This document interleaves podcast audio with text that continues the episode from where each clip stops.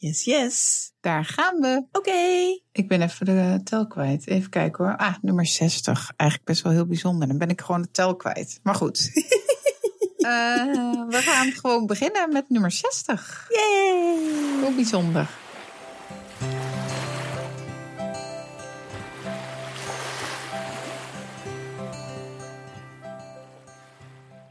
Bij Vloskundig Baken, de podcast die een podium geeft aan innovatie en vernieuwing in de geboortezorg. Ik ben Mirna Knol. En ik ben Kirsten Schatelier. En in deze podcast hebben we Anna Verwaal te gast. En gaan we het met haar hebben over de pre- en perinatale psychologie. Ja, Anna is geboorteconsulente en verpleegkundige met een moeder-kind specialisatie en lactatiekundige. En inmiddels heeft zij zich helemaal toegerust en verdiept in de pre- en perinatale begeleiding van ouders en vooral ook kinderen. Ja, ze geeft workshops en ze geeft ook lezingen en dan echt wereldwijd. Ja. Uh, TED Talks is ook te zien op YouTube met een TED Talk. Gewoon uh, zoeken Anna Verwaal en Ja. dan komt ze gewoon vloep naar boven. En nu dus bij ons te gast. Yay! Dus uh, nou ja, wij mogen haar alles vragen, dat hebben we afgesproken. Ja. En zij gaat ook heel veel vertellen. En nou ja, we zijn ook heel benieuwd wat wij als geboortezorgverleners eventueel al heel makkelijk misschien aan kunnen passen in onze begeleiding. Precies. En ook misschien onze ogen openen door op een beetje andere manier naar een bevalling te kijken. Ja. Ik weet het niet.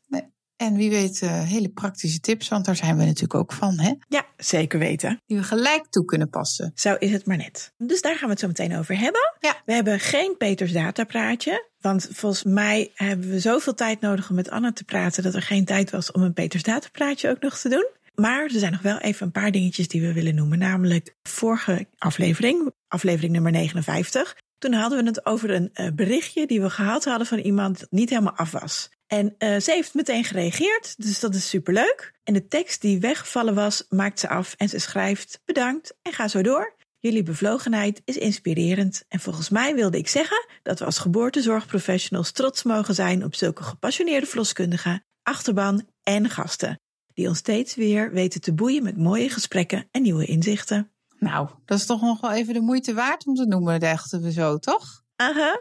En wat ik ook leuk vind, is dat ze ook onze gasten noemt. Want ja, nou ja, echt. Hè, die, die uh, stoppen toch ook weer zo een paar uur uh, tijd in. Belangeloos. Belangeloos in zo'n aflevering. Ja. Dus dat is echt super gaaf. Nou ja, en uh, we kregen ook heel veel reacties op de podcast met Jan Willem de Leeuw over het hechten en secundair sluiten. Nummer 59 dus van de vorige keer. Mm -hmm. Eigenlijk heel, heel snel. Dus dat is echt heel leuk. Want dan komt Ja. hij uit op dinsdag. En dan denk je, Ja. nou ja, zouden mensen luisteren? Wie zouden dan luisteren? Meestal duurt het gewoon echt even, hè? En nu was het echt gelijk wel uh, bam bam kwamen appjes of berichtjes op social media. En er waren echt veel collega's die aangaven dat een van de betere te vinden. Vooral ook omdat het zo lekker praktisch was en voor iedereen herkenbaar. Mm -hmm. Dus ja, wij vinden het ontzettend leuk om die reacties te krijgen. Want ja, dan gaat die podcast ook weer even helemaal leven voor ons. Hè? Dat is leuk. Ja. En ook, ook uh, leven op een andere manier. Want we houden natuurlijk wel de Ja, statistieken precies. bij. We weten dat de afleveringen beluisterd worden. Maar het is gewoon echter als we van jullie horen. Dat is gewoon leuk.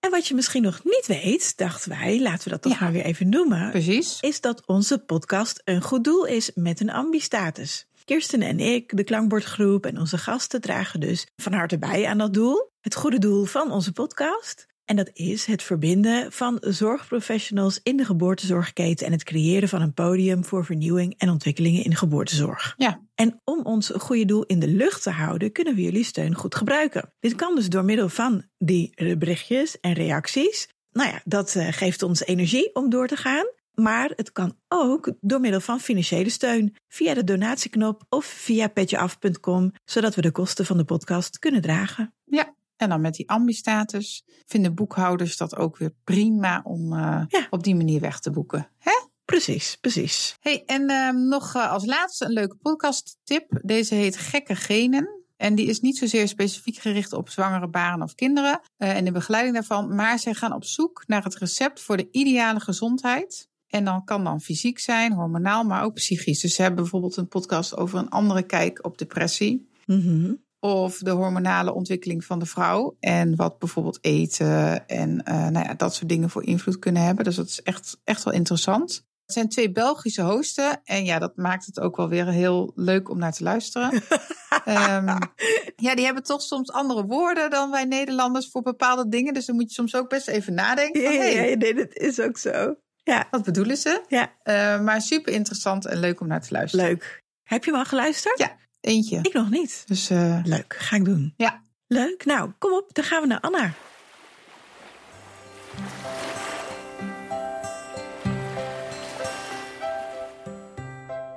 Laten we doorgaan naar het onderwerp van deze podcast. En die is met Anna Verwaal over pre- en perinatale psychologie.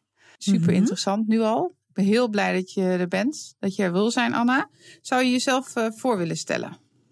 Ja, dank jullie wel voor de uitnodiging. Ik ben uh, Anna Verwaal. Heel erg uh, geïnteresseerd in de reis van baarmoeder naar de wereld in. Mhm. En wat er allemaal met ons gebeurt. Dat is mijn werk geworden in de loop van de jaren. daar ga ik het met jullie. Jullie hebben vragen van mij, hè? Daar gaan we het over hebben. Ja. Ja. Dus ik heb er zin in, want ik begrijp dat dit voor heel veel geboorteprofessionals is en veel mensen die werken met kleine kinderen. Dus dat is heel, een hele belangrijke doelgroep. Dus hartelijk dank voor de uitnodiging. Nou, graag gedaan. Hey, en we hebben altijd een allereerste vraag voor onze gasten. En die eerste vraag die uh, luidt: hoe ben je voor het eerst met de geboortezorg in aanraking gekomen? Ah, ik, ik denk dat was wel heel jong, toen ik uh, nog in Nederland woonde.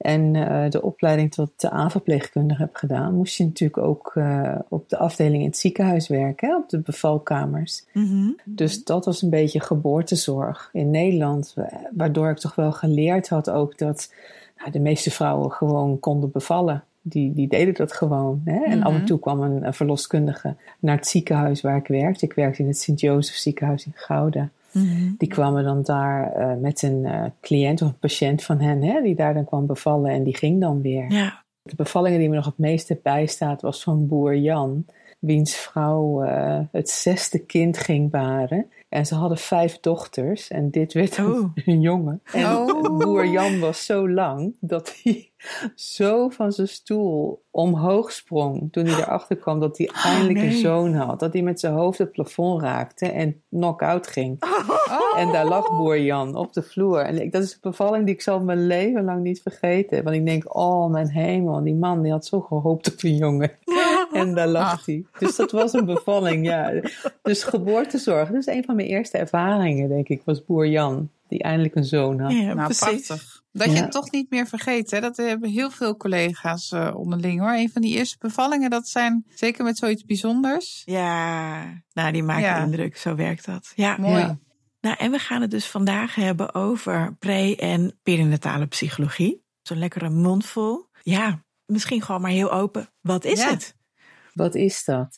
Nou, weet je, ik wist er natuurlijk ook niks van hè, toen ik uit Nederland wegging. Ik ben uiteindelijk eh, in 1985 weggegaan uit Nederland en daar ben ik gaan werken in een ziekenhuis in Saudi-Arabië. Mhm. En daar zag ik een, eh, kreeg ik een heel klein pakketje overhandigd, in doeken gewikkeld, wat, wat bewoog, wat ik niet verwachtte. En ik maak het open en er is een heel klein prematuur kindje in. Oh joh. Dus ik roep heel gauw een eh, kinderarts erbij. En eh, van alles natuurlijk moeten doen om het jongetje te stabiliseren. En achteraf bleek dat hij zo rond 28 weken waarschijnlijk geboren is. Hè. Zijn ouders waren Bedouinen, die eh, waren bevallen in een tent in de woestijn. Mhm. En die hebben waarschijnlijk gedacht, nou dat jongetje dat gaat het niet redden, die moeten we naar het ziekenhuis brengen. En die zijn doorgelopen en nooit meer teruggekomen. Oh, En eh, dat is een jongetje waar ik een hele lange tijd voor gezorgd heb. Toen ik eh, in het ziekenhuis werkte. Ik werkte op de kinderafdeling van een ziekenhuis in Saudi-Arabië.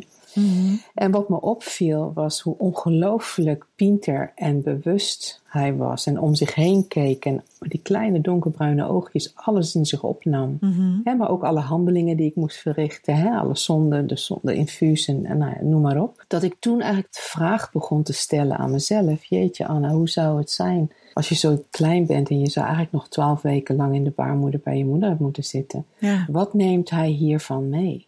Wat Mhm. gaat hij hiervan onthouden? Voelt hij alles wat we doen? Dat waren allemaal dingen die ik me afvroeg, die geen onderdeel waren geweest van welke opleiding die ik ook gedaan had daarvoor.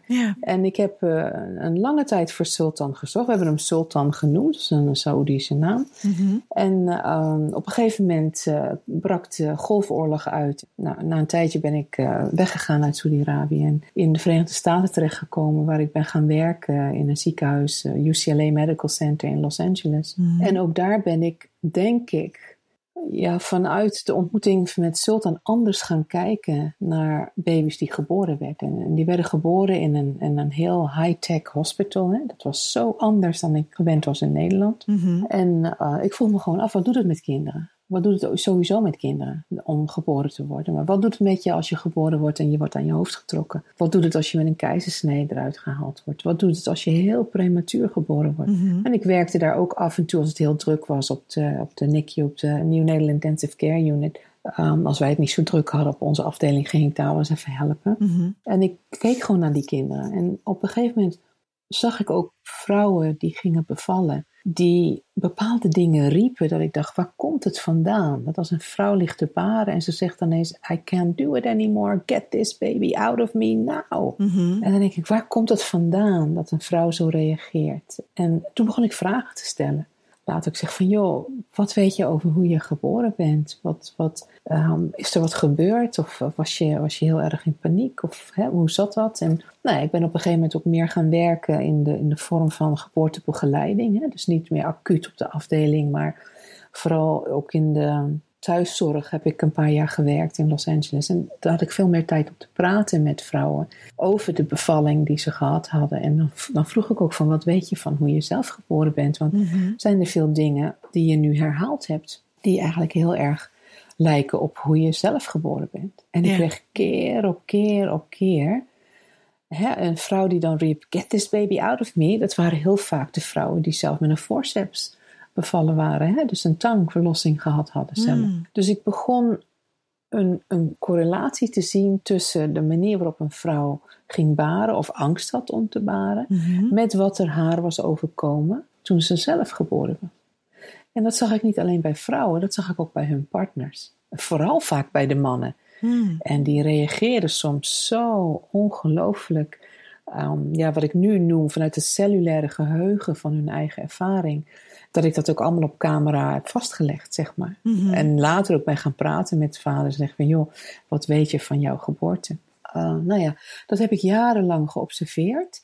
En, en ik heb eigenlijk nooit met iemand erover kunnen praten. Want het was echt een- geen, geen onderdeel van mijn specialisatie in Amerika. Ja. Ook niet hè, in de verloskunde of in de, eh, daar in de Neonatal Intensive Care Unit. Of op de kraamafdeling of in de thuiszorg. Ja. En toen eh, kwam ik op een gegeven moment een, een, een uitnodiging kreeg ik om te gaan lunchen met een psycholoog. En toen dacht ik, nou, een psycholoog, die moet er wat van weten. Hè? De- Ja. ik, ga, ik ga met hem in gesprek.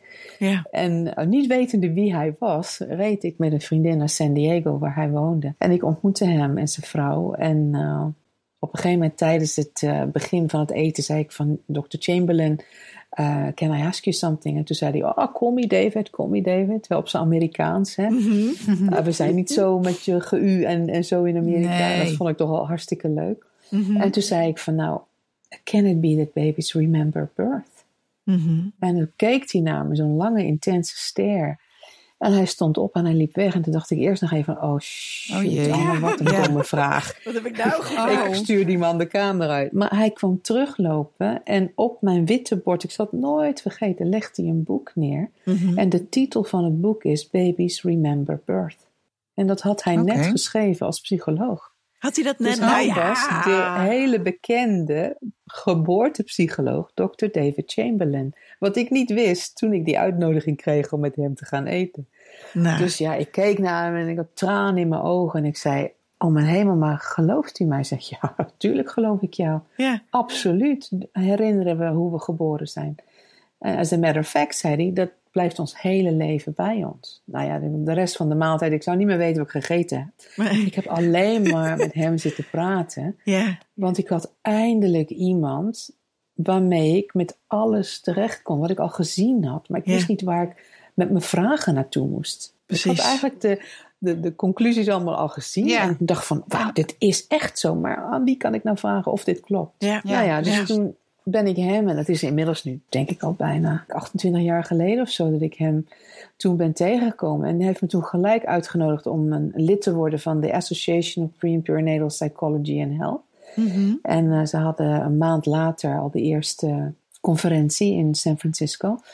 En uh, toen zei hij, ik wil je graag voorstellen aan de andere founding father, hoe zeg je dat? De andere, waarmee hij die organisatie ja, oprichtte. Ja. Hè?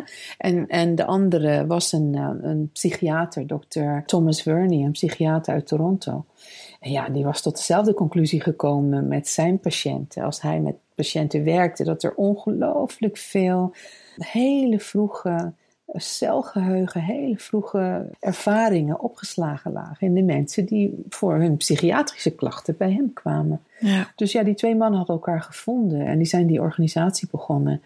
En daar ben ik toen al heel vroeg lid van geworden. Want ik weet wel dat ze zeiden: als jij lid wordt, dan haal je onze gemiddelde leeftijd met een aardig end omlaag. we waren toch wel allemaal mannen van in de zestig en zo. Van het begin die daarin zaten.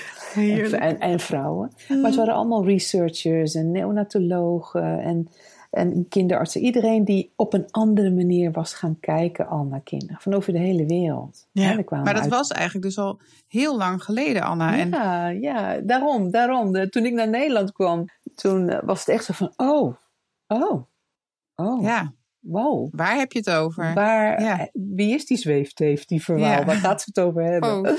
Echt, die naam kreeg ik ook echt. Maar dus eigenlijk bij het begin beginnend.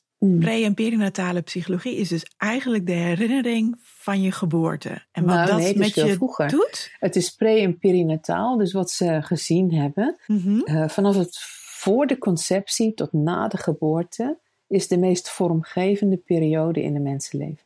Dat is waar heel veel imprints gecreëerd worden. En vanuit die imprints gaan we vaak leven. En dat is voor de conceptie? Met de imprint van. De conceptie bijvoorbeeld laat al een imprint achter. Ja. Er zijn diverse conceptiescenario's. Ja. En mhm. elk scenario laat een diepe imprint achter. Ja, precies. Dus ga maar eens kijken naar... Ja. Want we, we weten zelfs vanuit de epigenetica al dat het een paar maanden voor het moment van conceptie... hoe een moeder zich voelt over haar leven, over haar omgeving, over haar relatie, over haar werk, over alles...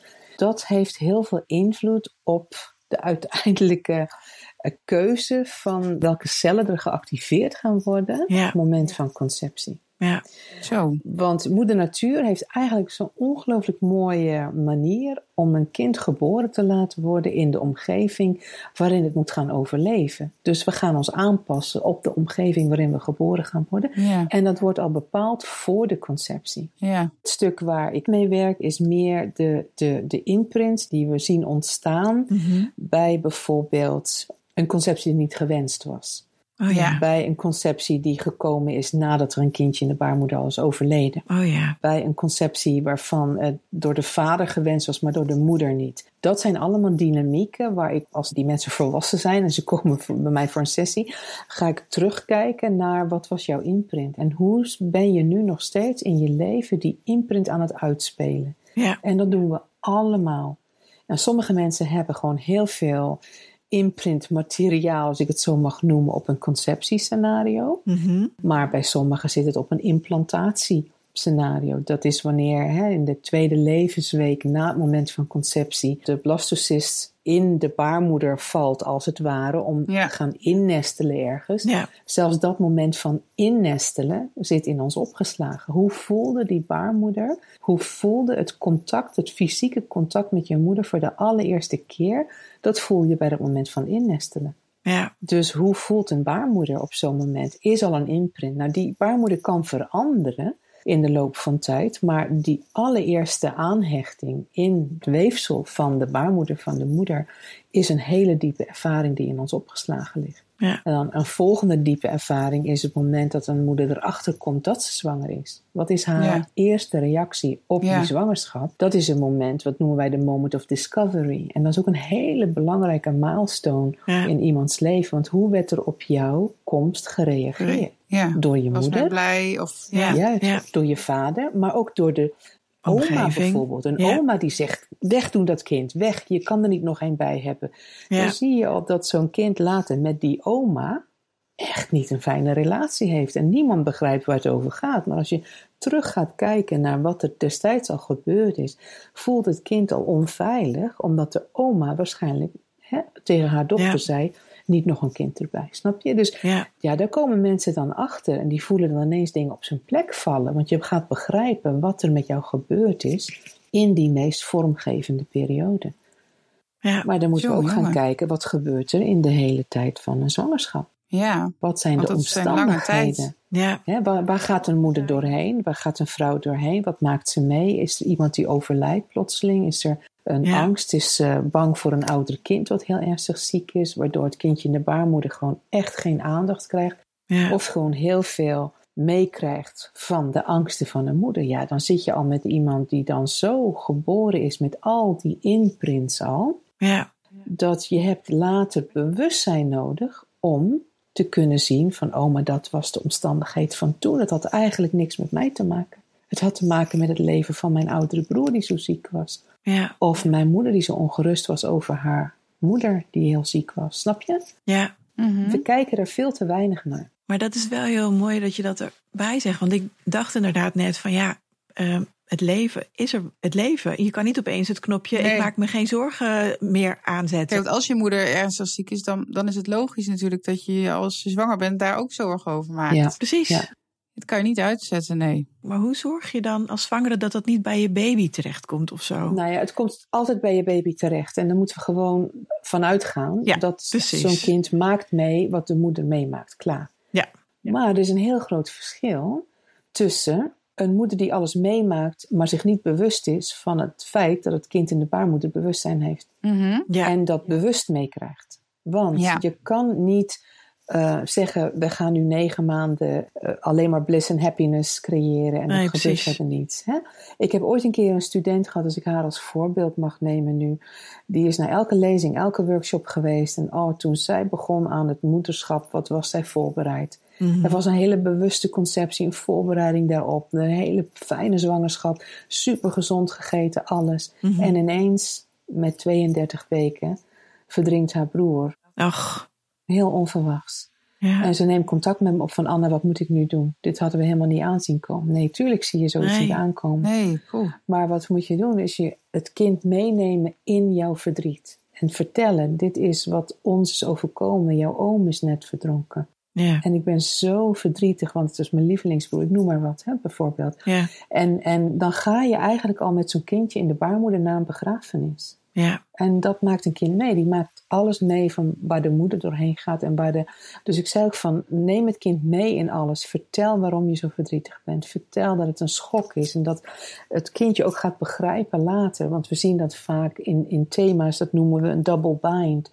Dat een kind zich heel gewenst voelt. Maar dan gebeurt er iets in de baarmoeder, waardoor de moeder compleet afhaakt. Mhm. Want er is iets anders aan de hand wat haar aandacht vraagt. En dan heeft een, een kind helemaal niet meer het besef van, ho even, maar, maar hè? ja. Ik, ik was toch zo gewenst. En toen, paf, moeder was er ineens niet meer. ja. Dus als je daarop in kunt spelen, maar ook als je als verloskundige, Ja, vroedvrouw, precies.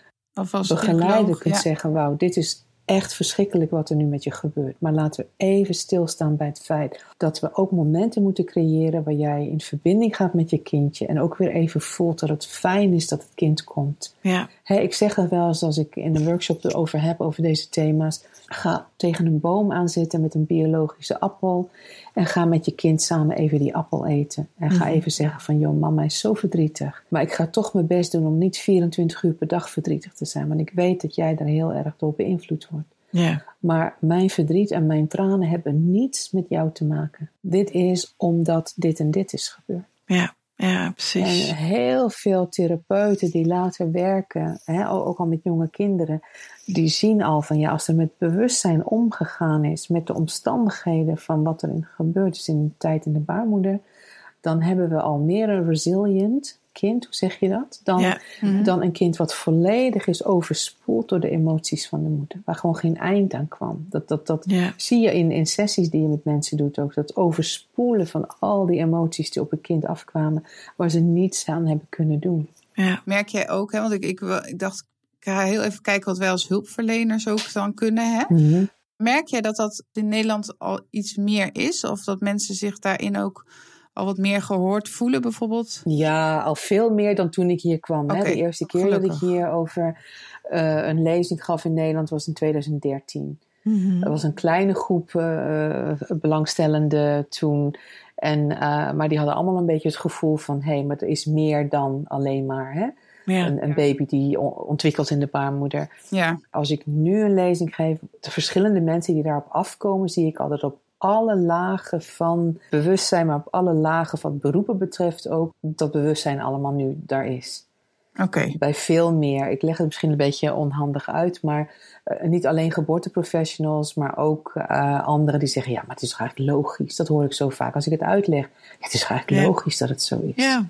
Maar dan is er ook nog een hele grote groep mensen die er dus absoluut niets over weten. En daaronder ook verloskundigen. Mhm. En dan denk ik wel van ja, maar dat is jammer. Want jullie hebben zo'n grote invloed. Ja. Kunnen zo'n grote invloed hebben. Niet alleen op de moeder die zwanger is, maar ook op het kind in de baarmoeder. Ja. Daar alleen al met een ander bewustzijn mee omgaan, ja, is al iets wat jullie gewoon zo kunnen doen. precies. Ja. En dus mensen daarop attenderen. Ja, Absoluut, want die gaan naar jullie luisteren. Als jullie zeggen, voordat ik ga toucheren, ga ik eerst even contact maken met het babytje. Want het kan zijn dat ik het hoofdje van het kindje ga voelen zometeen. En ik wil niet dat het kindje daardoor gaat schrikken. Ja. Dus voordat ik jouw buik hè, vastpak en ga voelen hoe, hoe ligt het kindje, of ga voelen hoe groot is je kindje, of ga voelen hoeveel amniotic fluid zit er om het kindje, ik noem maar wat. Mhm. Hè, of voordat ik de doppler erop zet, laat ik even zorgen dat hij niet op het allerhardste geluid staat. Ja. Ook in het ziekenhuis, als een vrouw opgenomen wordt in het ziekenhuis en er zijn dan van die verpleegkundigen die lopen zoeken naar de hartslag van het kind en die staat ook keihard. Ja, je moet dus weten hoe ongelooflijk veel effect dat heeft op een kind in de baarmoeder, als we het op die manier doen. Dus we kunnen zoveel handelingen al doen met zoveel meer respect naar de baby in de buik toe. Ja. En als jullie dat doen, of als we dat doen, ja, dan ga je toch ook zien dat ouders daarin meegaan. Van, oh wauw, ja, die verloskundige die, die sprak echt met ons kind voordat ze iets deed, een handeling. En, en legde eerst uit wat ze ging doen. En toen pauzeerde ze en toen vroeg ze zelfs, heb ik jouw toestemming om het te doen? En toen pauzeerde ze weer even. Mhm. Ja, maar dat is heel belangrijk als we het zo zouden doen. Want welk effect zou dat hebben als we het zo zouden doen? Ik bedoel, kan wel wat invullen als hoor. jij maar... naar de tandarts gaat Mhm. en je, Ja. gaat, je wordt op een stoel gelegd en de tandarts trekt je mond open. Mhm. En zonder wat te zeggen gaat hij in jouw mond zitten vroeten. En gaat hij niet vertellen dat hij een prik gaat geven, je tand eruit gaat trekken, met een slangetje erin komt om uit te zuigen, et cetera, et cetera. niet heel fijn. Voor de luisteraar, ik kan je melden, Kirstens gezicht vertrekt Ja. nu. Nou, ja. Maar snap je? En op die manier Ja, ja, ja. is het met kinderen ook. Ze zijn echt bewust. Er is bewustzijn. Dus als een kindje geboren gaat worden en zelfs al gaat de geboorte niet op de manier waarop we het willen, zeggen van lieve schat, het moet nu even zo. Heel vervelend. We gaan heel snel praten. Het wordt straks heel koud. Het wordt heel luid. We gaan dit en dat en zus doen en proberen uitleg te geven aan. Als je wist hoe ongelooflijk belangrijk dat is. Ja. Daarbij stilstaan. En als het dan zo gaat, of het gaat misschien niet zoals we willen, kunnen zeggen dat is niet wat papa en mama wilden. Dit is ook niet wat ik wilde voor jou als de vroedsvrouw van jouw mama en jou. Dit, dit wilde ik ook niet, maar Mhm. het moest. En nu gaan we kijken, hoe kan ik jullie daarmee helpen? We noemen het een rupture. How can we repair it? ja, precies. Hè, iets wat een ruptuur. en eh, eh, Het is Hoe gaan we gescheurd. dat nu repareren? Ja. Er is iets Ja. gescheurd, nu moeten we het repareren. Ja, Jij noemde eigenlijk bijvoorbeeld een, een voorbeeld als een vacuüm. ja. En dan wordt er aan je hoofd getrokken. Ja, dat, dat noemde je al in het begin. Ja, nou ja, dat zijn natuurlijk geboorteervaringen waarvan je geen idee hebt. Ik denk dat, dat daar nog heel veel bewustzijn voor mag komen, bewustwording op mag komen. Is dat een, een jongen van 28 die niet van knuffelen houdt, Mhm. ja, daar verbaas ik me helemaal niet over. Als een moeder vertelt dat het een, een vacuümgeboorte was, waar drie keer de vacuümpomp eraf gerukt is hè, en weer opnieuw erop gezet. We zien heel veel gedrag wat ongelooflijk verklaarbaar is Mhm. als je hiermee gewerkt hebt, waardoor we zeggen: ja, maar dat is zonde. Een jongen van 28 die niet wil knuffelen, die heeft Ja. nog steeds een angst van raak niet aan mijn hoofd, kom niet aan mijn hoofd, eh, raak mijn hoofd niet aan. Nek, schouderklachten, pijn, Ach, ja. spanning, et cetera, et cetera. Er zijn zoveel klachten die we zien bij jonge kinderen die met een vacuüm geboren zijn, die we volledig verkeerd labelen die een diagnose als ADD meekrijgen, terwijl eigenlijk het zenuwstelsel nog zo aanstaat, zo gespannen is voor wanneer gaat het weer fout, wanneer gaat het weer fout, en continu op die manier om zich heen kijken en in de wereld, Ja, labelen we dat als attention deficit disorder, terwijl het eigenlijk heel veel te maken gehad heeft met de manier waarop ze geboren zijn. En als je daarmee werkt, met een therapeut die dat heel goed begrijpt en daar heel mooi mee kan werken, dan kan je ineens een kind zien veranderen. En je krijgt een ander kind terug, want je gaat het kind leren dat het wel veilig is om in het lichaam te zitten. Dat hij niet continu aan hoeft te staan van waar komt het gevaar vandaan. Net zoals bijvoorbeeld de prematuur geboren baby continu aanstaat. Ja. Van waar komt het gevaar vandaan? Nou ja, en waar je van dus heel, ook vaak heel prikkelgevoelig eh, daarin worden. Ja, Maar en, en wat, wat ik, ook logisch ik is. probeer ja. zeg maar steeds een beetje die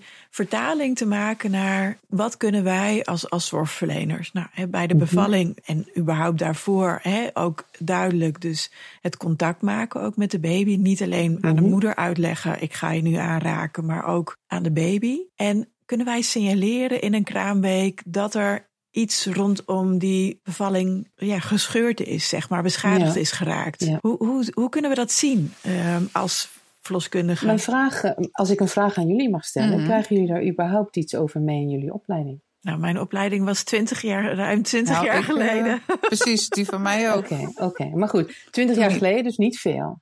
Nee, Maar ik denk ook niet tien jaar geleden heel veel. Nee, denk ik denk ik ook niet niet. twee jaar geleden heel veel. Dus denk ik ook als de jonge voetvrouwen, jonge verloskundigen hier naar luisteren, dan ben ik heel geïnteresseerd naar de feedback als jullie die krijgen hierover. Wat Ja. krijgen jullie daarvan in mee in je opleiding? Er is namelijk ongelooflijk belangrijk, is dat na een geboorte, hoe die ook gegaan is, Mhm. dan is het vaak de moeder die haar verhaal doet over hoe het voor haar was. Maar Ja. wie luistert naar hoe het voor de baby was? Ja. Dus het is heel belangrijk dat je een kindje vastpakt en dat je dan zegt: Wauw, lieve schat, welkom in de wereld. Je bent er nu al twee dagen. Hoe was het voor jou?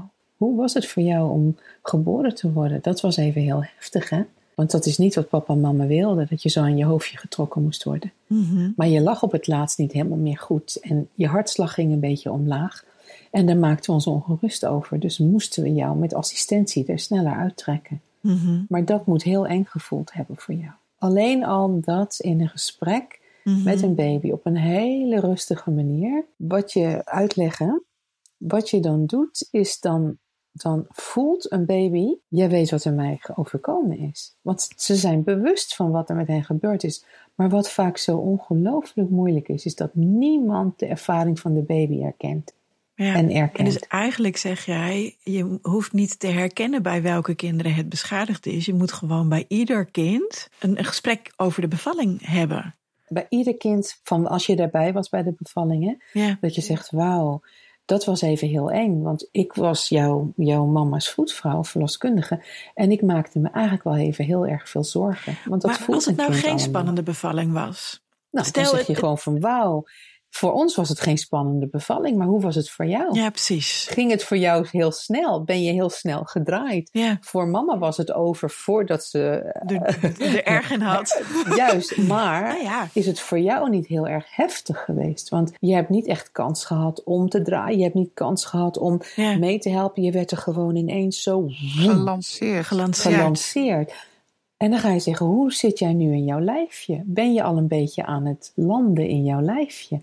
Of heb je daar nog hulp bij nodig? Hoe voelt het in jouw lijf? Ik ben dan ook nog wel weer zo dat ik dan denk, kan ik dan iets zien? Of is het gewoon puur het vragen en dan stilte, bij spreken? Dat is, of kan je iets zien aan een baby? Je kan ongelooflijk veel zien aan een baby. Mhm. Maar je moet het kunnen zien. Je moet het hebben leren zien. Mhm. En Ja. wat ik zie is dat mensen die met baby's werken, babytherapeuten die ervoor opgeleid zijn. Nou, ik, als een voorbeeld, ik, ik was laatst in Hongarije waar ik les moest geven met een, met een, een therapeut. Die is een bowen en een craniosacraal therapeut en een, en een andere babytherapeut. Dus die, die werkt al decades met, met baby's en geboorte en, en geboortegerelateerd trauma met kinderen Mhm. de manier waarop hij werkt met kinderen, zag ik de reactie van de studenten, was gewoon onvoorstelbaar.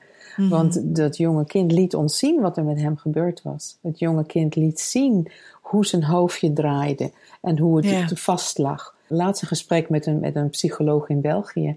Eh, zij praat over de bevalling van haar ene kind. En ik kijk naar het andere kind. En het andere kind laat me helemaal zien wat er met zijn bevalling gebeurd is. En het observeren van hem, zeg ik, joh, luister, heeft hij vastgezeten op een gegeven moment met zijn schouder hier? Ja, hoe weet je dat? Ik zeg, nou, ik zie hem nu zo met zijn hoofd naar beneden van de bank afkruipen.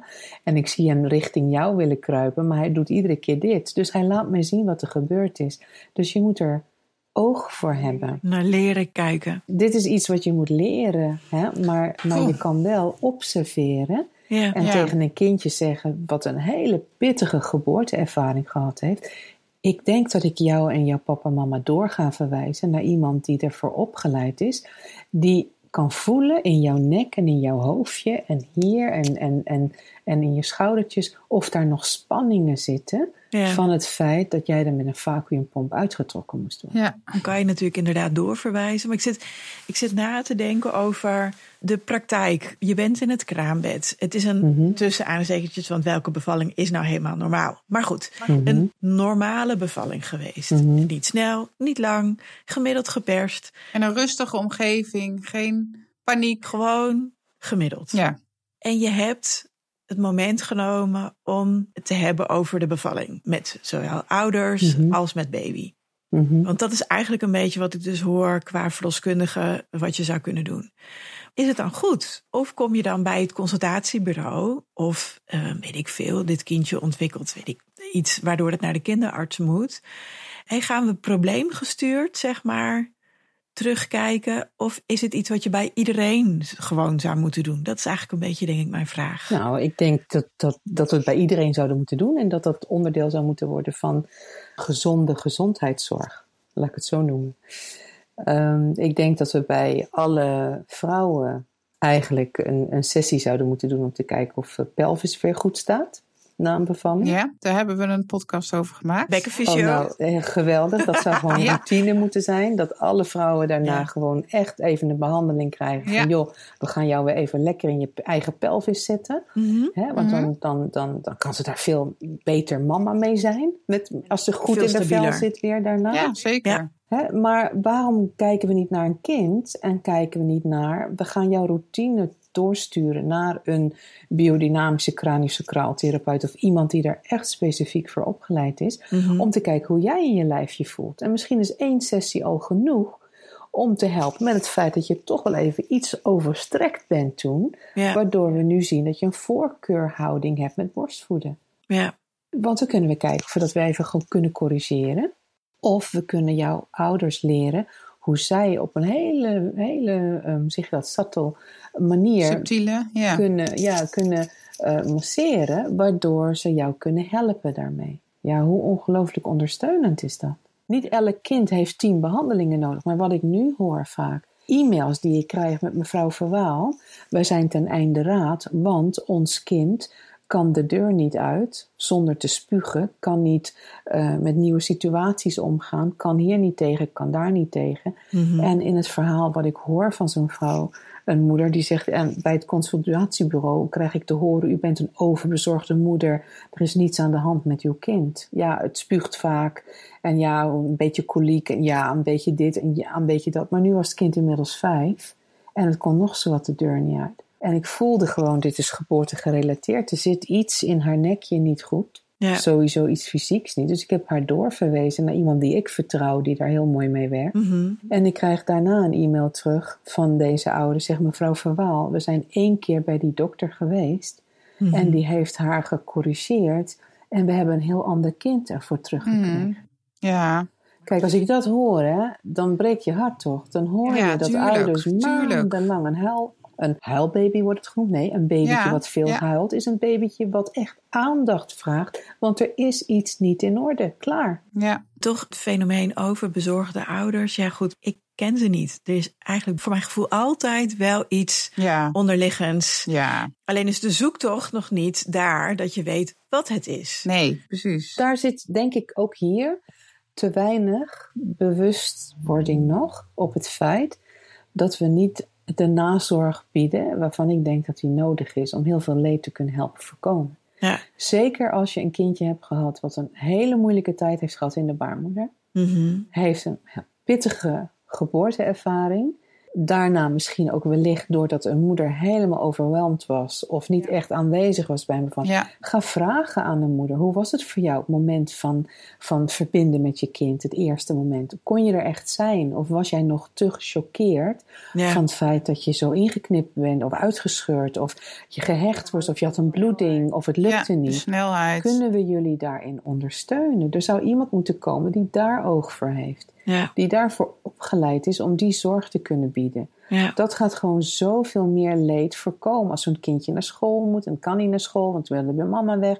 Ik, ik hoor zoveel dingen van Mhm. oudere kinderen waarvan Ja. ik denk, dit had gewoon gelijk in het kraambed of in de weken daarna al aandacht moeten krijgen.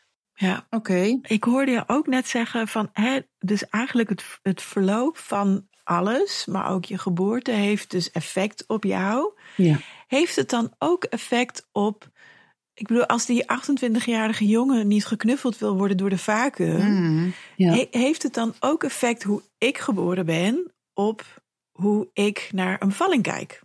Absoluut. En dank je wel voor die prachtige vraag. Want dat is iets wat ik al 25 jaar probeer uit te leggen. Is dat iedereen die werkt rond geboortezorg zou als onderdeel van de opleiding moeten weten wat is er met jou gebeurd. Vanaf het moment van jouw conceptie tot na jouw geboorte. Wat is jouw verhaal? Waar speel jij jouw eigen verhaal uit keer op keer? Waar ben jij nu de vroedvrouw die jouw moeder niet had? Waar ben jij nu de reddende op, eh, gynaecoloog die jouw moeder niet had? Waar Ja, ben jij precies. nu de neonatoloog of de kinderarts die altijd gelijk met zuurstof aankomt rennen en eigenlijk er dan pas achter komt: oh, ik was zelf de baby die zuurstof nodig had. Ja, Maar niet alle kinderen die ik een zuurstofmasker geef, hebben het eigenlijk nodig. Ik reageer vanuit mijn eigen innerlijk kindervaring. ja, Ik hoor zo vaak van profe- beurtprofessors. En ik geef natuurlijk al jarenlang les over de hele wereld. Het maakt niet uit in welk land ik praat met geboorteprofessionals. Mhm. Zelfs de meest bekende, die ook lezingen geven, vraag ik: vertel me iets over jouw eigen geboorte. En denk, nou zie je nou waarom jij het werk doet wat jij doet. Ja, Want je bent gewoon aan het herhalen en aan het voorkomen, helpen voorkomen dat een ander kind niet vast komt te zitten in het geboortekanaal. ja. dus heb jij bewegingen daarvoor bedacht, waardoor we dat kind los kunnen krijgen. Oh, jij doet dit. Oh, wauw, maar kijk eens wat het te zeggen heeft over hoe jij geboren bent destijds. Ik zag het al in mijn collega's toen ik nog in het ziekenhuis werkte, Mhm. dat de manier waarop zij reageerden op een bepaalde bevallingsscenario heel veel zei over hun eigen verhaal. En dat vroeg ik ook aan ze. Kan jij daarna vragen hoe jij geboren bent? Kan jij kijken wat er met jou gebeurt? Want volgens mij ben jij gelijk weggehaald bij je Ja. moeder. Want jij kan als verpleegkundige er niet tegen als de unit niet zo was.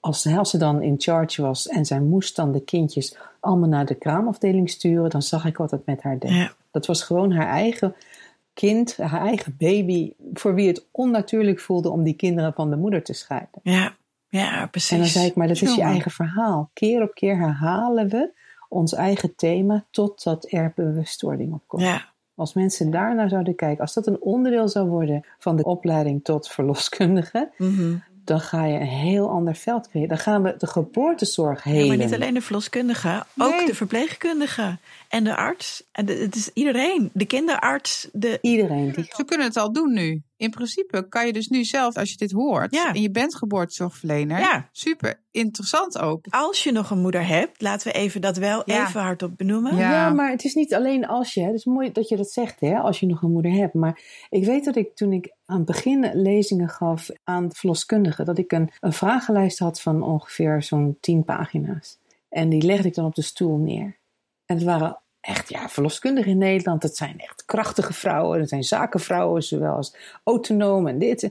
En dan kregen ze die vragenlijst en dan zag ik, oh, oh. En viel me op hoe weinig, hoe weinig van de verloskundigen eigenlijk heel veel wisten over hun eigen geboorteverhaal. Ja, nee, precies. Maar daarom zeggen we ook, ehm, ga het navragen. Maar je moet Ja. natuurlijk wel iemand hebben om het aan te vragen, zeg maar. Hè? Of een vader misschien. Je kan als verloskundige kijken naar alles wat je is overkomen in je eigen praktijk. Oh ja, dat is ook een goeie. Daar zit je rode draad. Dat Ja. wat jij naar jou toe trekt, is waar jouw eigen hogere zelf vraagt Ja. om bewustwording. Dus als je iedere Ja. keer de mannen in de praktijk die met de vrouwen meekomen slappe zakken vindt, kan ik je garanderen dat dat de ervaring van je moeder was. Hmm. Oké. Als jij, absoluut. Ik, ik hoor het. Dit zijn de voorbeelden uit mijn praktijk Ja. hè, van voetvrouwen. Ja. die hebben altijd dat soort man. Ik zeg maar, ga eens even kijken naar hoe het voor jouw moeder was toen ze zwanger was van jou. Ja, ja. Is dat nu toen al ontstaan, die ervaring? Ja, precies. En nu kan jij als volwassen vrouw je boosheid, je frustratie voelen naar die mannen toe, wat je toen als kindje in de baarmoeder niet kon doen. Ja, en moeten we dan dus ook niet alleen aan onszelf, dat is denk ik al interessant, maar ook aan alle mensen die zich bij ons inschrijven en diens partner of persoon die aanwezig gaat zijn bij de bevalling, absoluut. vragen hoe Tuurlijk, ben je hoe ben geboren? jij geboren? Wat, ja, want als je wist hoeveel leed we kunnen voorkomen door dat te weten. Want heel vaak in mijn, in, in mijn praktijk, als ik mensen voorbereidde op de bevalling, Mhm. dan vroeg ik dit. Dan had ik die vragenlijst voor ze. Voordat je met mij werkt, wil ik graag zoveel mogelijk van jou weten. Want op die manier kan ik jullie beter begeleiden en ondersteunen. Ja, Ik wil Mhm. weten, wat is jullie ontstaansgeschiedenis? Hoe ben je ontstaan? Hoe ben je geboren? En dan gaan we kijken. Oh, jij was een spoedkeizersnee. Oh, nou snap je nu dat je man daarom al een moeite heeft met Ja. het feit dat jij een thuisbevalling wil? ja, Want Nee, hij is- moest in het ziekenhuis geboren worden. Want daar heeft hij het overleefd. Dus hij is als de dood voor. Dan heb je al binnen een relatie tussen man en vrouw... heb je al een gesprekspunt gevonden... waar ze zelf mee aan de slag moeten.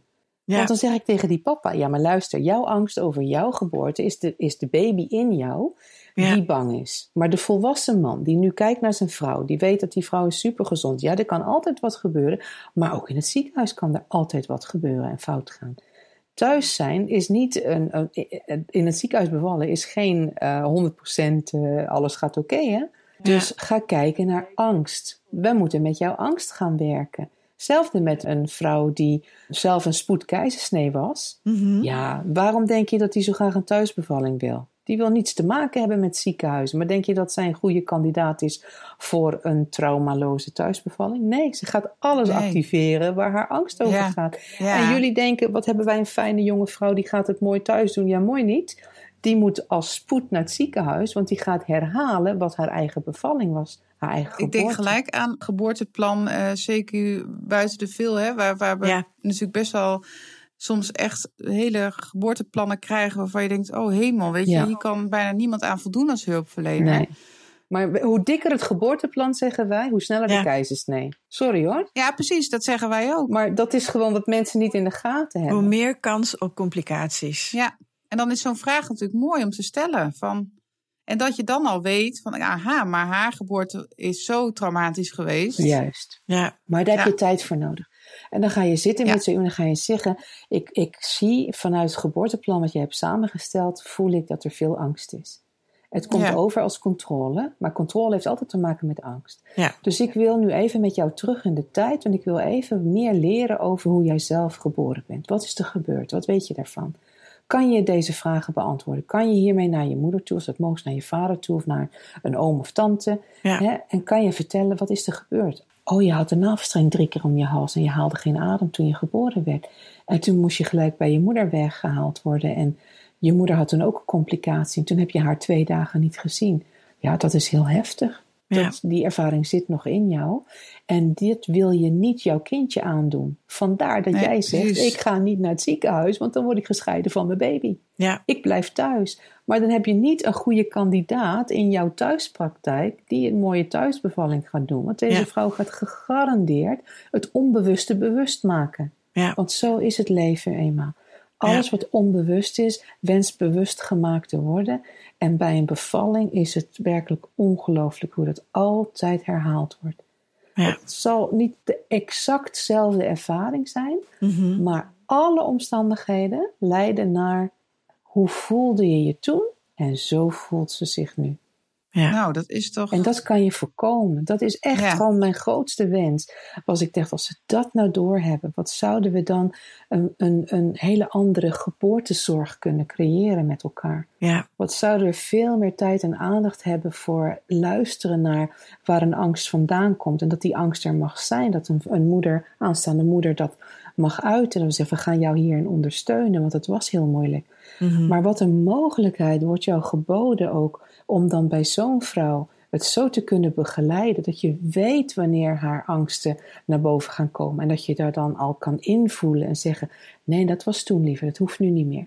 Ja. Luister, jij kan dit nu. Het zijn nu andere omstandigheden. Jij kan dit. Kijk maar, de monitor, alles. Ik heb een keer bij één vrouw die een kindje verloren was, voor het eerst de monitor harder gezet, omdat het bij haar belangrijk was dat ze het hartslagje van het kindje kon horen. Mhm. Want dat gaf haar de veiligheid dat alles oké was met haar kind. Ja. Als ik dat niet geweten had van tevoren, had ik met het zachtjes willen zetten van het hartslagje voor dit kind, Ja. had ik Ja. deze vrouw hergetraumatiseerd. Snap je? Dus het is zo Ja. belangrijk dat we weten wat er met ze gebeurd is. Ja. Nou. nou ja, en daarin helpt het dus ook heel erg om inderdaad echt mensen te kennen. Precies. Ja, en ik denk die caseload verloskunde, dat gaat hem worden. Dat zag ik in Amerika ook. Ik kende mijn cliënten, die wisten ook, ik ging bij hun bevalling zijn. Mhm. Die vertrouwden erop. Hè? En ik, ik ja, je- soms dan, dan lukt het niet, maar ik snap niet dat we überhaupt zomaar een gebouw in kunnen lopen, op ons rug gelegd worden, je benen moeten uit elkaar doen en je veilig moeten voelen. Mhm. En dan moeten baren. Wat verwachten we niet van vrouwen? Mhm. Bij mensen die je niet kent, die jou niet kennen, jouw verhaal niet kennen, jouw verleden niet kennen. Niet weten of je een misbruikssituatie hebt gehad in je leven of niet. Nou ja, als het goed is, heb je daar wel een goede overdracht op gedaan. eh, om dat, Ja. nou ja, zoveel mogelijk het te delen. Maar goed, continuïteit van zorg, dat weten we ook. Dat is heel waardevol. Dus dat is. eh, En essentieel. Goh, en Anna, jij geeft natuurlijk allemaal lezingen en workshops. Dus als geboortezorgverleners zijn die, die hiervan zeggen: ja, maar hier wil ik echt nog meer van weten dan dat ze me nu in deze podcast heeft verteld. Want dit is natuurlijk maar een tipje van de sluier, laten we eerlijk zijn. Ja, Ja. ik denk als mensen interesse hebben om meer te leren over hun eigen patronen, Mhm. dan is het al heel interessant om te komen. Want ik zie dat altijd gebeuren bij lezingen of workshops, dat mensen denken, oh wauw, het kwartje valt. Want ik ga alle kenmerken benoemen van alle verschillende geboorteervaringen. Alle kenmerken die we kunnen herkennen bij een vacuüm, bij een keizersneebevalling, bij een premature bevalling. Dat zijn allemaal dingen die we inmiddels nu na 40 jaar daarna kijken. Dat, Mhm. dat, dat staat gewoon vast, het is bestudeerd. Ja. Bij keizersneekinderen zien we dit, maar ook weer kijken bij wat waren de omstandigheden voor de keizersnee. Wat voor soort keizersnede, ja. Wat Ja. voor soort, hoe ging de moeder ermee om? Je kan niet zomaar iets klakkeloos op een kaartje zetten en zeggen dit is het. Nee. Want dat is gewoon niet hoe het werkt. Precies. Je moet leren kennen, maar wat jij net zo mooi zei, je kan iets aanvoelen of iets zien, maar je kan alleen maar dingen aanvoelen of zien als je zelf daar geweest bent. Hmm. Dus eigen kennis is het Ja. allerbelangrijkste in het hele van geboortezorg, denk ik. Ons eigen verhaal kennen, daarmee hebben gewerkt, weten, wauw, het zo vaak komt het in mijn leven terug. Jeetje, maar ik wil een ander helpen dat hij er ook gewoon sneller achter komt dat het zo zit. Snap je? Ja. Dan ga je op een hele andere manier werken. Ja, ja, precies. Dan kan je niet meer terug naar zomaar klakkeloos dingen moeten doen. Want je weet gewoon dat alles een gevolg heeft. En, en als je iets moet doen, omdat het levensreddend moet zijn, ook dan kunnen we het op een manier doen waarmee we en de moeder en het kind heel anders kunnen begeleiden dan dat het vaak gedaan wordt. Oeh, ja. Maar dus workshop voor jezelf, waarbij Ja. je eigenlijk al zelf je eigen patroon eh, wil leren kennen. Of gewoon kijken naar, naar een ander. Hè? Hoe je eh, bij een bevalling gaat kijken naar als een vrouw bijvoorbeeld vast komt te zitten. Ja, waar gaat het over? ja, Snap je? Waarom, eh, hoe zeg je dat? Uh, stolt leven of niet vorderde, vorderende ontsluiting. ontsluiting. Of, ja. hè, wat Ja. dat, dat waren altijd issues waar ik dan naar terug ging, of, of ging kijken. En ik, ja, maar het heeft hiermee te maken. Wauw, jouw lichaam geeft heel mooi aan dat we daar nu even tijd voor moeten nemen. Want dit komt nu naar boven. Deze angst of deze herinnering of dit wat er gebeurd is. En dan hoef je het vaak maar even te benoemen en ineens gaat een bevalling weer verder. Dus Mhm. hoe kunnen we anders kijken naar hoe een bevalling verloopt? Ja. Die is ook voor elke vrouw anders. Hoe kunnen we kijken naar de interactie bijvoorbeeld? Mhm. En dat is ook heel mooi. Een vrouw die alles gedaan heeft om een zo natuurlijke bevalling te hebben en die eindigt dan toch met een keizersnee. Mhm. Dan is het soms omdat het tussen papa en kind dat de bevalling was die zij nodig hadden. Omdat het de papa was die het eerste het kindje vastkreeg. Ja, precies. Het was die verbinding die tot stand moest komen. En dat zie ik zo vaak als ik dan kijk naar wat de vader zijn verhaal was. Dat ik denk van ja, en als ik dan met de moeders daarover praat, dan zeg ik, snap je, wat er nu gebeurd is tussen jouw zoontje en zijn vader. Ja. En dan zien ze ineens, zeg, ja, maar ik denk dat dat heel veel invloed heeft gehad op waarom het zo gegaan is zoals het gegaan is. Ja. We kijken alleen maar naar puur fysiek. We kijken niet naar emotionele oorzaken, psychische oorzaken. Maar dat zijn alle onderliggende factoren die uiteindelijk het fysische, fysieke gaan bepalen. Snap je? ja, precies. En dat kunnen we leren om daarmee te werken. Dat Ja. is ontzettend Ja. boeiend om dat te kunnen doen. Nou, ik denk dat je dat heel mooi eh, nu als voorzet, laat maar zeggen, in deze podcast hebt gegeven. En dat En we kunnen hier volgens mij nog eindeloos over doorpraten. Ik bedoel, Uren nog. Er borrelen steeds eh, eh, nieuwe vragen naar boven. Ja, zeker. Nou, kom maar eens een keer langs met jullie tweeën dan. Kom maar eens een keer Oh, ja. samen Gaan we doen meer. naar een, eh, een lezing of naar Ja. verdiepingsdagen. En dan Ja. kijken. Dit is niet meer weg te denken straks. Het is nog niet een onderdeel van onze opleiding. Moet je nagaan. Hè? Ja, daar kan aan gewerkt worden, maar die luisteren ook mee. In de psychologie en de psychiatrie. We kijken nog helemaal niet naar wat er al gebeurd is voordat we geboren zijn. Terwijl dat eigenlijk zoveel al bepaalt. Ja, precies, Het precies. is onvoorstelbaar. Ja, Dus ik hoop op alle vlakken dat mensen gewoon veel meer interesse gaan krijgen in deze hele vroege thema's. Want Ja. je gaat de mensen waarmee je werkt zoveel sneller en zoveel beter begrijpen. Als Ja. je gaat inzien waar het vandaan komt. Ja, ja, dat denk ik ook. ja, nou dat is heel mooi eh, gezegd. Dus ik zeg wel eens, dan houdt het op met de pleisters plakken die allerlei kleuren hebben of vormen. Nee, we gaan Ja. terug naar de splinter en we halen de splinter eruit. Ja, dat is zoveel beter voor alles wat er achteraan komt. Dat denk ik Ja. wel, ja. Dat denk ik wel. In de, Ja. in de show notes zullen we in elk geval eh, even verwijzen ook eh, naar jou. Ja. En eh, wellicht heb je ook nog nou ja, linkjes of andere interessante websites. Nou, wat ik kan doen is wel een lijst maken met eh, recommended reading, noem ik dat. Ja, perfect. Ja. Voor de lezers onder ons. Hè, waar ze naar kunnen kijken naar studies. En, en zo, als er nog een paar mooie studies zijn die ik heb liggen hier, dan zal ik die meesturen. Ah, fijn. Ja, super. Ja, dat maar is heel ik ben leuk. heel dankbaar dat jullie zo openstaan voor deze informatie. Omdat ik denk dat jullie zitten echt in die eerste lijn. Mhm. Jullie staan zo dicht bij die baby's in de baarmoeder. En kunnen voor die baby's zoveel betekenen. Dat is werkelijk ongelooflijk. Dus dat, ik zou dat zo graag ook mee willen nemen hè, als je als, als verloskundige werkt. Ja, Dat ja, je doet het voor de moeder, maar onderschat niet dat die baby heeft ook helemaal in de gaten wat jij doet, hoe je het doet, hoe Ja. mama zich voelt als ze naar jou toe komen. ja, Hè? Of, of, of, de, de, de, hè? of de mama zich ontspannen kan voelen of niet. ja. Als je ze wist hoe vaak we dat horen, dat de verloskundige van mijn moeder of de arts, dat we daar herinneringen aan hebben. Dat we dat nog weten, jaren later. ja. Dus Ja. dat alleen al hè, vraagt al van veel meer verhaal. No pressure. No pressure there. Maar wel gewoon, je kan met woorden al zoveel. Dus dat Ja. is denk ik eh, heel mooi dat je dat eh, zegt, Anna. En ik eh, denk ook dat er veel luisteraars zijn die denken van, oh, nog meer voorbeelden. Want dat maakt het heel tastbaar en Heel concreet. Ja, ook. ik denk dat dat wel vaak is in de, in de lezingen of in de workshops. Is dat de Ja, praktijkervaringen. Ja, Ja, Daar gaan mensen echt van, oh, daar kan ik wat mee. Wauw, Ja. ja. Ja. dit kan ik ook doen. Of dit kan ik ook. Hè? Of dit kan ik nu al doen. Je hoeft niet Precies, hè, precies. zoveel geleerd te hebben over pre- en perinatale psychologie. Dit kan je nu al doen. En dat is het leuke tips. als ik dat Ja. gewoon zie bij jonge voetvrouwen. Die, oh, dan zie ik die ogen op en denk, wauw, Ja. die gaan gewoon heel anders hun carrière beginnen. Met Ja. al deze informatie. Ja, het is super fijn. ja. nou, Dus, eh, maar goed, jullie zijn van harte welkom. Dank je. En ik hoop dat eh, iedereen eh, nou, goed geïnspireerd raakt om ook dit stuk in je, in je werk eh, mee te nemen. mee te nemen en toe te voegen. Ja. ja. Ja, Dankjewel. Dank, Anna. heel graag gedaan. En ik wens jullie nog heel veel hele mooie bevallingen. Dank.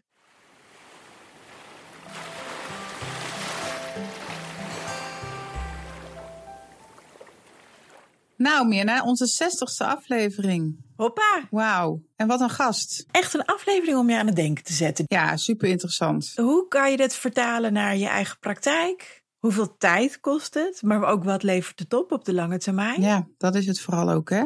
Ik denk dat dit echt zo'n preventieonderwerp is. Ja, Er zijn natuurlijk best veel onderwerpen hè, waar we op preventie inzetten. ja. Ik denk dat als je preventie ja, pleegt, ik weet niet of je preventie kan plegen, maar Toepas. Ja. preventie toe- toepast, dat is Ja. beter. Preventie, eh, preventief zeg maar investeert in dit stuk. Ja. Ik ben benieuwd wat er dan gebeurt met je interventies durant de partu.